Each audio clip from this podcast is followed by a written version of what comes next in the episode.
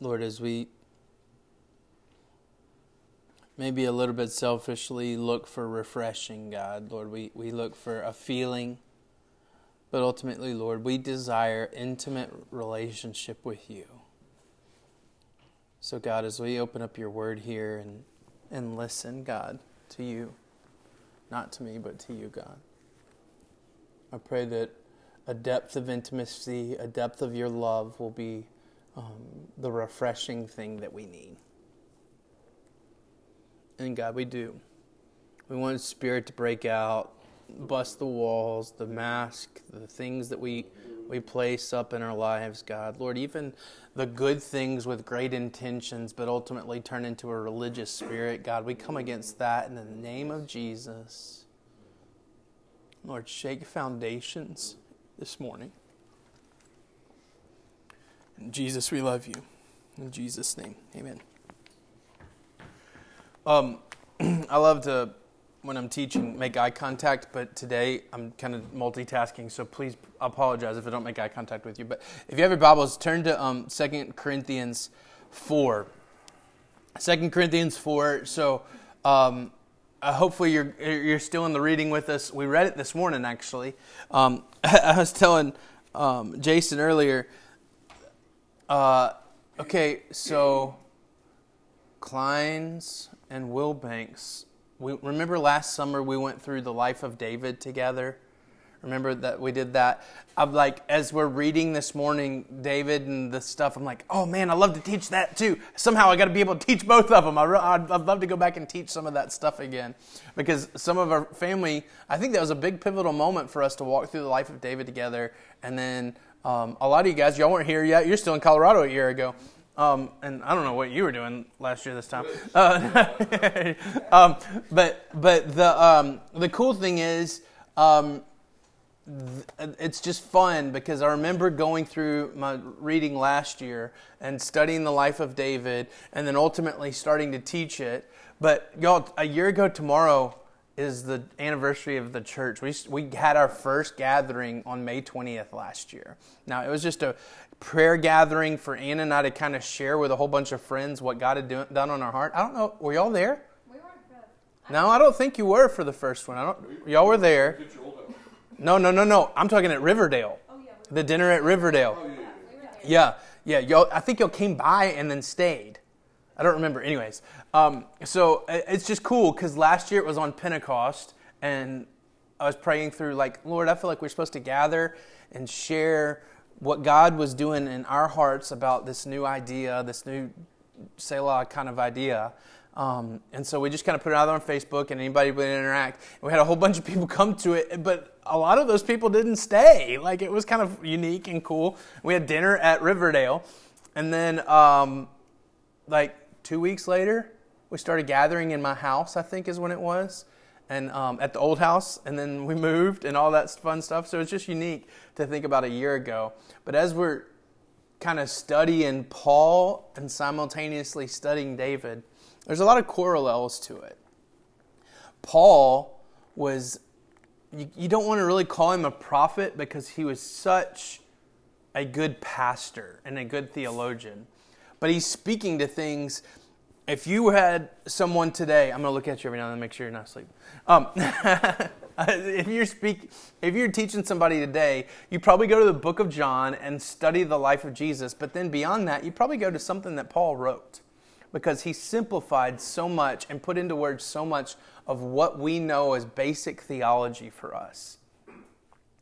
And I love that David correlates that too all the Psalms that David wrote that we cry out of our hearts, it's simplified emotion. Whereas Paul's a great theologian and David's a great emoter, I guess you would say. They're both great at the other, but those hand in hand. And I love it. Even the reading today quotes something from David, quotes a psalm. But if you have Bibles, uh, uh, go to 2 Corinthians chapter 4. Um, I, I, like asking thought provoking questions. I think that's a form of leadership. I think that's what Jesus did.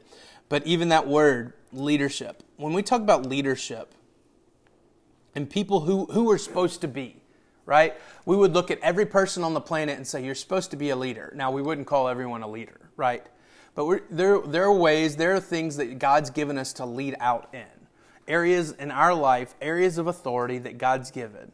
and even the, the guy that doesn't have a job, that doesn't have any family, there's an area of authority that God's given him for something, right? There's a reason for every human being to be on the planet. And when you go and study leadership, there's a lot of opinions about what leadership is. But I mean, no other book on the planet teaches leadership like the Bible does.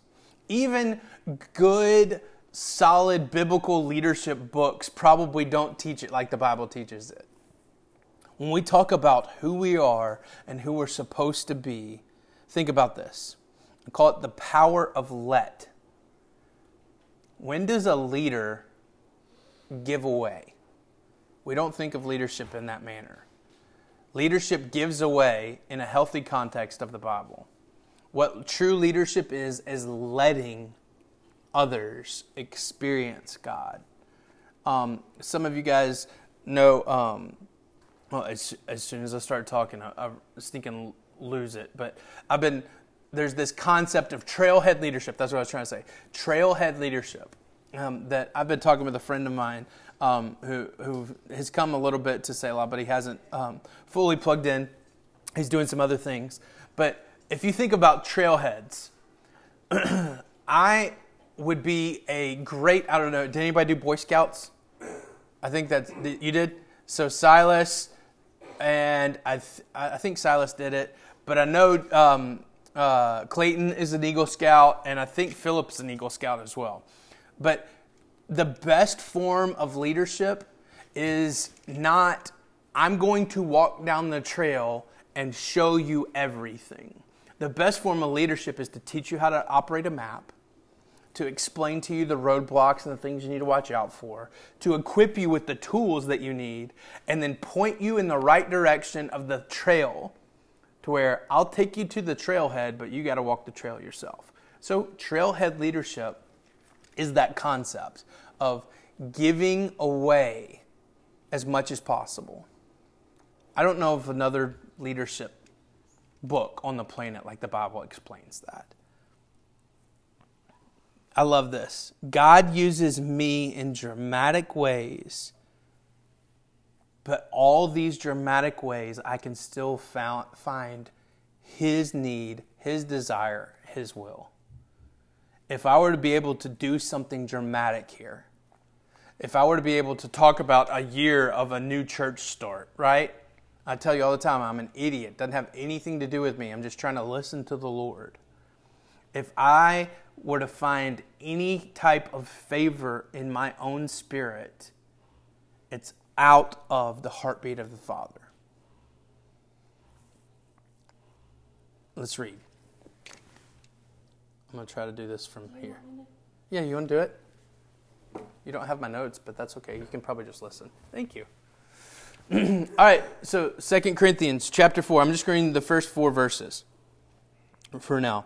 Therefore, since God in his mercy has given us this new way, we never give up. We reject all shameful deeds and un- underhanded methods. We don't try to trick anyone or distort the word of God. We tell the truth before God, and all who know this and, and all who are honest know this. If the good news we preach is hidden behind a veil, it is hidden only from people who are perishing. Satan, who is the God of this world, has blinded minds of those who don't believe. They're unable to see the glorious light of the good news. They don't understand the message about the glory of Christ, who is the exact likeness of God. I love this. Scripture says this um, at the, that very first verse, Scripture, uh, the Bible says this. Therefore, since God in His mercy has given us a new way, Jesus says, I am the way.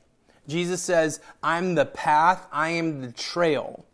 And God's saying, here's a new way. Another way to say this is a new ministry, a new task that God has given us. Here's the first point God has invited, we are guests into the mission of God. God has invited us into his mission. A new ministry, a new way. Think of this. The practice of religious law, the practice of Mosaic law was going on at this time. Jewish culture was at the pinnacle.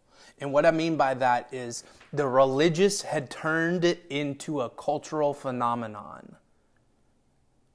When we talk about culture and we talk about Jesus, they don't line up very much. Culture is the heartbeat of man, and Jesus is not that. So, look, when we look at the culture that has created in this religious mindset, they have, I'm going to say the word church culture going on. And Jesus, and he's now saying, we've got a new way to do this. Paul's saying, hey, we're, we're doing this in a new way because God has invited us into this. This is God's mission. I tell you all the time, I've been saying it for over a year now. If you call it Ryan's church, I'm going to swing at you because it's not mine. It's I am a guest in the house of God's mission. We're a guest in Jason's house right now. If, if we've been invited as a guest, what is our role, right? Now, hopefully, and when you come to my house, what's going on here? Okay, oh, I thought you were about to like you got a testimony. Let's testify, Tim. um, yeah, yeah, come on. Um, hey, if you've got if you've got some type, if you've been invited to some somebody's house, you're gonna mind your manners, right? You're gonna you, you've got you understand a, a couple of things. Now, I love this. Hopefully, you feel like my house and you feel like here at Jason's house that this is home, this is family, right? Like, we love the fact that our carpet wears out so quickly, right? I enjoy those things. But think on it this way we have been invited into the house of God, and the house is his mission. We are guests in the mission. It is not my mission. Watch this. Why do we work so hard at it, though? Why do we work so hard to be try, and do. Look, love is the mission, and it's only based in what we experience. Watch this. If I don't experience the Father's love, I'm not in the mission. I don't have the love to give to my brother because I haven't experienced it myself. But if I express the mission without experiencing it myself, what have I done? It's my own mission at that point. God has invited us into this new way. I love this, this, this idea, this concept. It's not ours, but we want to let others know about it. Um, okay, so Instagram, I guess, has had this new thing where all of a sudden, like I went camping this past week for a day. I was gonna go two days, but I ended up our, my cot fell apart. So I was I was in the woods for like 40 hours. Okay, uh, a really beautiful place just right south of Kentucky line. I went fishing and really I, I used to do this all the time when I was in student ministry and kind of plan and ask the Lord, "What do you have for the next year?" And I kind of missed it. So even though I'm not really planning, I was just like, "Lord, I'm gonna go listen for a little bit." And so I just killed it the beginning of the week so I could take a couple days here at the end of the week and went and just to listen. And somehow, some way, I get back to the house the other day, yesterday, and I'm looking on Instagram, and all of a sudden my feed is filled with camping stuff. And I'm like, I didn't even say it. Is how does Siri figure this out? Like I'm trying to figure it out now. Like like like something's going on, and I'm okay with it though. Like there, I know there's some people like freaking out, like what if what if Siri's listening to us right now? Okay, I'm talking about Jesus. Like tell everybody, right? Like but there's this concept. I'm scrolling through Instagram and I see this fishing tool on Instagram as an ad. And I'm like I'm watching, you know, uh, of course in the first 5 seconds they're doing something cool on the video. I'm like take my money, right? You know that concept of take my money. Have you ever done that before and then shared it? I just told you about this cool little. It's just a way to tie a knot on a hook and stuff like that. But anyways, um, it, have you ever thought about when you share another brand? Like even if you've done it on, on Instagram, you've done it on Facebook or anything like that, you share it. But watch this: if you wear a clothing, you're sharing a brand of some sort, right? It's almost like uh, paid for by the Republican Party concept, right? You know, like like I have endorsed this brand. Watch. I carry the mission of God. I do not own it. And when I share wear that kind of brand, but ultimately so much more than a brand, a life altering, life changing love that the Father has given. For some reason, it seems like I have an ownership of it. And when that happens, I mess things up. Watch this. The mission of God is restoration of intimacy with Him, and His method is love. But watch. Thus, if you re- remove either love, of intimacy or intimacy, you get someone who's busy being fake. If I remove intimacy or a love out of the mission of God, I become someone who's so propped up on making sure that it feels intimate or making sure that it feels like love that I get real busy being real fake. Listen to what verse 4 says. I'm going to pull it up. Hey, you know what? Somebody else. Pull it up on the message version. Jason, you got it? Uh, I think so, yeah. The message. The message. So, uh, read verse 2 through 4 in the message version. It's so strong. I sent this to David the other day because they're discussing the same passage in Germantown. You got it? All right, here, I might have it. Somebody else got it? You got it? Go for it, Kevin. Since God has so graciously let us in on what He is doing, We're not about to throw up our hands and walk off the job just because we, rent, we run into an. We refuse wearing masks and play games. We don't maneuver and manipulate behind the scenes, and we don't twist God's word to suit ourselves. Rather, we keep everything we do and say out in the open.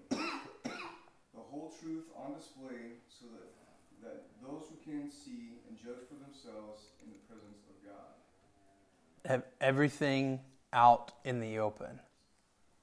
I love this. Transparency equals integrity. So if I don't have transparency, I don't have t- integrity. Hey, if I don't have dark corners in my life, I can't hide the things that I want to hide. You know what I mean? So I, I, I used to say this all the time to students because students like this like uh, the 14 year old kid that wants to ask the ridiculous question of the pastor, I say, hey, there's no question you can't ask me. I might tell you, hey, there's some, uh, that not to be grotesque, there's some intimate places between my wife and I that I'm not going to reveal, right? But there's probably no out of bounds question. And if it does come out of bounds, I'm probably going to say, hey, you know what? I'll, I'll give you a little bit of an answer, but I'm not going to re- fully reveal everything, right? But if I make sure that every place in my soul is well lit, I can't hide anything. How do I make sure? The heart is deceitful above all things. Who can know it? The Holy Spirit has to illuminate continually in my life. So that's the reason why we said, we've been saying it for over a year now kill obligation. If you don't want to worship, don't worship. If you don't want to interact with an intimate God, don't interact with an intimate God. Now, if it gets into a long standing concept, I, there's ways to pray that God changes your desires. If you don't want to give, don't give. If you don't want to serve, don't serve. God doesn't want our busyness. He doesn't want the propped up fake concept. He wants the genuine love for one another. Mm. I'm obligated to love Anne?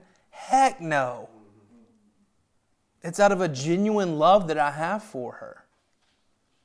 Now, there has to be an understanding here before we can even go deeper into this that a life hidden in Jesus is shown to all. If I hide my life in Him, it's shown to everyone else. But here's the, the thing that cuts to the quick, and this is almost the mutual agreement, the united front I need all of us before we progress further. If I don't hide my life in Jesus, everyone else can feel it. I said this earlier. One of the scariest things a mother can say to a, a child is, Do you have anything you need to tell me? Yeah, mom, I got a whole bunch of things I need to tell you. But I ain't, which one are you talking about, right? Right? For my mom to ask me that question, what do I instantly do? What are the things that I'm keeping hidden from her? So let's flip it to the Father. God knows the dark places. He knows the places He wants to illuminate and shine your, His love into. And the moment that we put a mask up, the moment that we hide behind a veil, those things, every brother and sister can feel it. There's a revelation in the spirit realm that I genuinely believe takes place when I can hear my brother talk about something in Scripture and know that he's engaged with it. I can unite in the Spirit and go, man, that's hit your heart. But then another brother could be talking about the exact same thing, and I'm going, dude, that's just hit your head. The Bible says, hide God's word in your head. No, hide God's word in your heart. How do we live this life? Here's what we need to do progressing out of this. Verse 5 and 6. For God. I love that. How do we define who we are? We go and see who God says we are. Oh, I skipped ahead. Sorry. Verse 5. You see, we don't go around preaching about ourselves. No, none of us would say we do that. But when I flex my theological muscles, you know, the, the, I had a friend just graduate his master's in, in uh, Atlanta um, with a master's in apologetics. I, I, I understand it, and, and understanding the new depths of the Father is so healthy. But man, I hate the argumentation concept of Christianity. I'm going to argue against you right? That, that doesn't feel like what Jesus would have done to some, an unbeliever. To ones that think they believe but really don't, that's when we see the argument. So a brother calling out a brother. Here's the thing that they're saying that the Pharisees weren't preaching about themselves, they were preaching about the law. But ultimately, the law without the Father's heartbeat is ourselves. So, watch this. You see, we don't go around preaching about ourselves. We preach that Jesus Christ is Lord, and we ourselves are your servants for Jesus' sake. For God, who said, Let there be light in the darkness, the very first things we know that the Father said, has made this light shine in our hearts so we could know the glory of God seen in the face of Jesus. So, point two. We are light carriers plugged into the source. We are light carriers plugged into the source. Is your life explainable? See, if someone looks at me and sees very little power, very little authority, very little life giving, it becomes an explainable life. But hey, look at that idiot. But look at what God's doing through that idiot. That becomes unexplainable. Watch. What is the source of this light? What is the source of the light? Let's contemplate that for a moment. If I look at a light bulb, it's the evidence, but not the source. Shoot, you could even talk about the outlet in the wall. No, that's compressed down. Probably a couple miles away is the source where all the energy is taking place, right? There's even probably two or three transformers between here and there. What do you want in a spiritual realm? Do you want the light bulb? Do you want the outlet? Do you want the transformer? Or do you want to go to the source? I carry the light. I am not the source. So if I desire to help someone else light up the dark areas of their life, what should I do? Go to the source, not my own ability, not my own strength. If I spend time with the Father for someone else on their behalf, so I have a 30 second interaction with them, they better experience the source. Now, sure, they can see the light, the illumination, the light bulb. But they better know that that light bulb is just flashing something else from the source. Grace and mercy come when I spend time with the Father. Watch this. Intimacy with the Father gives me love of the Father. Not for the Father, of course that takes place. But when I spend intimate time with the Father, what does He give me? His own love. Remember, no mask, only authentic answers. Let me press in here. Does your time with the Father look like something you are on mission for or something you were invited into?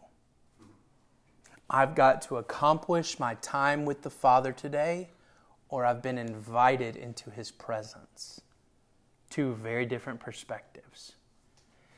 Accomplishment feels like obligation, invitation into a relationship is the genuine, healthy concept that Jesus is asking for. It's easy to think about the light bulb, but few realize that the source is miles away. We've built church culture around bright light bulbs. We've built church culture around bright things. And sure, the underlining understanding is the source of it. But I want to make much of the source. Listen to me. There'll be a moment where my light bulb cannot shine right? I'll, I'll, I'll mess things up and flip the light switch off. I'll, I'll do something silly and turn the dimmer down, right? If you interact with just the light bulb, just me, I get hit by a bus, guess what happens? You're not interacting with the light anymore. But if you go and plug into the source, you're now your own light bulb you're now interacting with it in another way. Listen to verse 7. We now have this light shining in our hearts, but we are, ourselves are like fragile clay jars containing this treasure. This makes it clear that our great power is from God and not from ourselves. Oh, listen. Verse 8 We are pressed on every side by troubles, but we're not crushed. Why? Because of the source. We're perplexed, but we're not perplexed, but not driven to despair. We're hunted down, but never abandoned by God. We get knocked down, but we are not destroyed. Through suffering, our bodies continue to share in the death of Jesus so that the life of Jesus may be seen in our bodies. We are jars of clay holding the world's greatest treasure. Jars of clay at that point at that point in history we, that this is like the Rubbermaid or the, the Tupperware, right? Sometimes you throw it away, sometimes you keep it. Jars of clay literally were the only way to seal anything. The mason jar didn't exist at this point, right? Like this was the only thing that was sealed. Um, oh, what's the woman who, who has the fragrance around her neck and she breaks it open? It's not possible to put that back together. It's done. I love this story. The book of Isaiah was discovered in 1927. The entire book of Isaiah. A 12 year old kid is climbing in caves just outside of Megiddo, Armageddon, just outside of Megiddo. He's climbing in caves, throws a rock to see how deep the cave is, and hears something break. Walks over and he's broken a clay jar, realizes what he found. He found the entire book of Isaiah. They have every word. Now, of course, over time, there's things that have, pieces that have fallen off and all that stuff, but they found them in sealed clay jars. They think it's at least second generation, and it could have been even first generation. It's cool. There's this place in Israel now, and it looks like this the end of a big scroll and it's just sealed inside this encasement. And if there was ever an earthquake to happen, the scroll goes down, it lowers itself down into concrete so the book of Isaiah can never get destroyed. I love that. But think about the clay jar for a moment. This was reusable. The broken clay jar would be, the pieces would be picked up and put back in the fire refined again, made back into mud, a paste, set up, and then they could use it in pottery once again. I love that picture. I have no power except to hold. And that's a decision, not even power. But watch, he no longer is talking about light here. He's talking about treasure and power. Read it again. Verse 7. Now we have this light shining in our hearts. Then he changes. But we ourselves are like fragile clay jars contra- containing a great treasure. This makes it clear that our great power from God is from God and not ourselves. Treasure and intimacy with the Father, and power comes out of that intimacy. Treasure is the intimacy with the Father but the power is the evidence of the intimacy. Hey, if you don't see me walking in power, you better come get in my face. Oh, how I've prayed. Lord, Lord, we're, we're trying to model the early church as much as possible, but Lord, show us evidence of that power that the other church walked in. I love this. Clay pots are meant to be broken, clay pots are meant to be reused, and then they're meant to be broken again and then they're meant to be reused. The Bible says this suffering shows the power. If I'm broken and reused, and broken again and reused all the time, do you see it holding on to the treasure that's inside? Do you see it? This is our life, y'all. This is who we're supposed to be. We're supposed to be jars of clay. That concept of a, a jar that's to be broken and reused. When I'm broken, what happens? It expresses the treasure. And then when I'm being reused and molded again, what do I get? I get more of the intimate treasure. And then when, when life gets crazy and I get broken again, what gets released? The Spirit of God. And then when I get molded and formed again, what happens? I hide, I hide more treasures in my heart. Do you see it?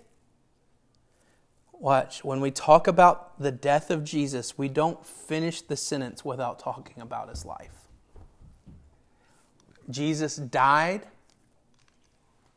revealed his power by coming back to life. The broken jar reveals the treasure.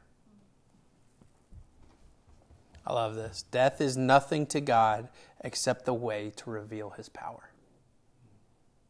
Death is nothing to God. I really wanted to say it this way, but I don't have a lot of theological backing to say this, so I'm just going to say it. Maybe y'all can throw heresy at me. Life and death are almost the same thing to the Father. Here on earth, it's the same thing. He controls, he has just as much of authority over both. And in that, he uses both to express his power. He uses my life to express his power. And hopefully, one day, far from now, he'll use my death to express his power. Last point. Because of that, we, we are ones who overlook death. Verse 11. Yes, we live in this constant danger of death because we serve Jesus, so that the life of Jesus will be evident in our dying bodies. What a statement. So we live in the face of death, but this has resulted in eternal life for you. But we continue to preach because we have the same kind of faith as the psalmist who said, had when he said, I believe in God, so I spoke. We know that God, who raised the Lord Jesus, will also raise us with Jesus and present us to himself together with you. All of this is for your benefit. And this is God's graces that reaches more people. And as God's grace reaches more and more people, there will be great thanksgiving, and God will receive more and more glory. That is why we never give up. Through our bo- though our bodies are dying, our spirits are being renewed every day. Think about that in the jars of clay concept. Though our jars are being broken, the treasure is being poured into. Our, for our present troubles are small and won't last very long, yet they produce for us glory that vastly outweighs them all or it weighs them and will last forever. So we do not look at the troubles we now uh, we can see now. Rather, we fix our gaze on the that that cannot be seen. For the things we now will we, we see now will soon be gone, but things that we cannot see will last forever. I love this. Overlook death. I don't mean that in a vain way to like to like completely think I'm above death, but we are.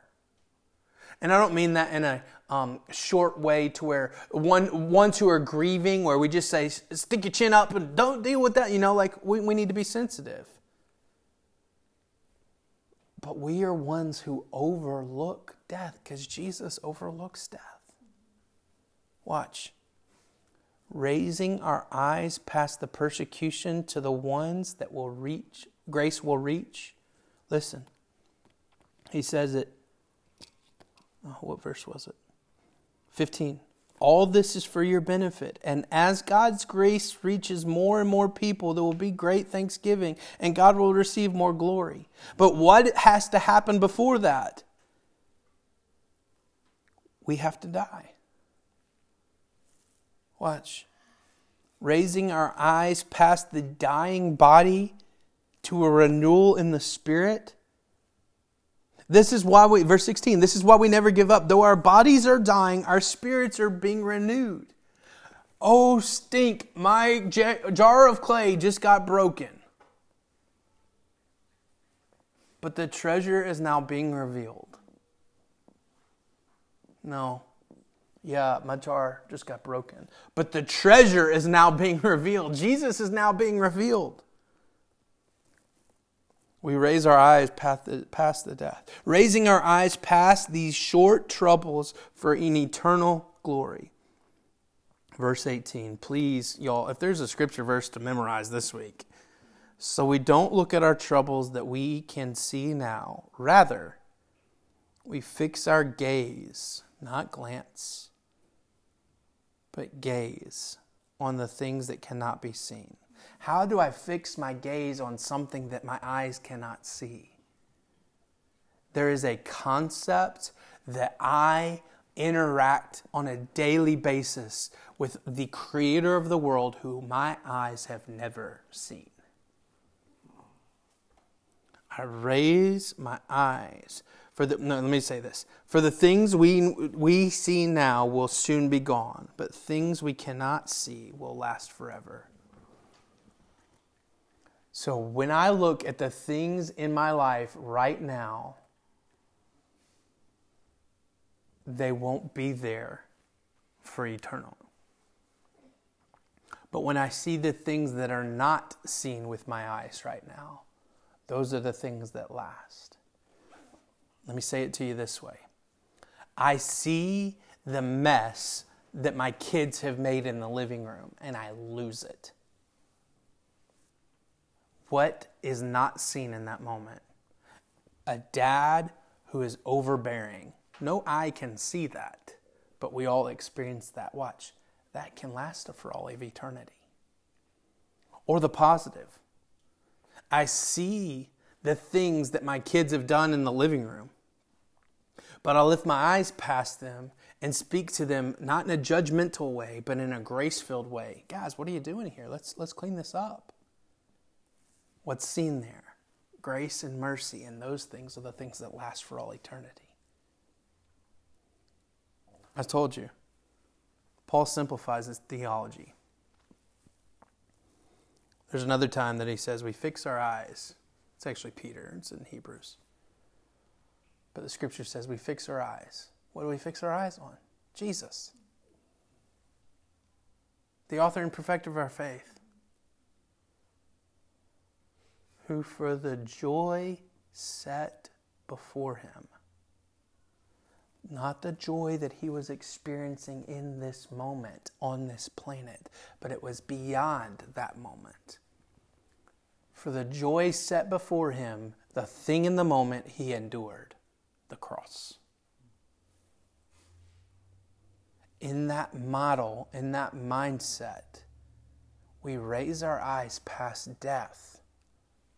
We overlook death and fix our eyes on Jesus. And then look, don't look away. Don't look away. What was the movie? It was a horror movie. It's not something you probably should go see, but um, if you if you saw it, no judgment.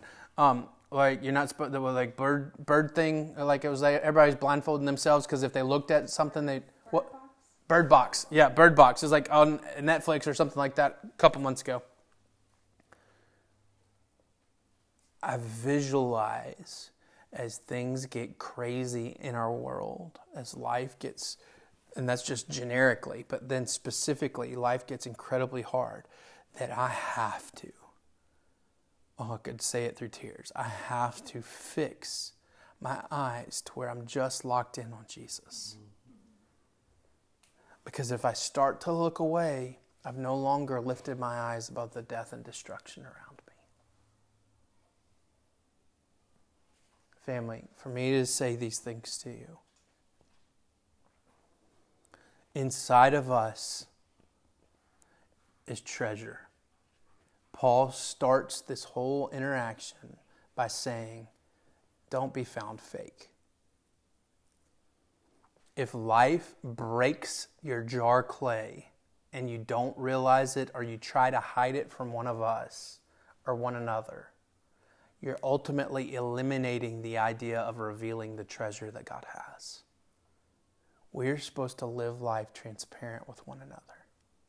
We're supposed to live life fully out in the open with one another. Because in that we find the treasure of the intimate Father. In that we reveal more of Jesus. And then we can encourage one another to fix our eyes on Him. Let's pray. Lord,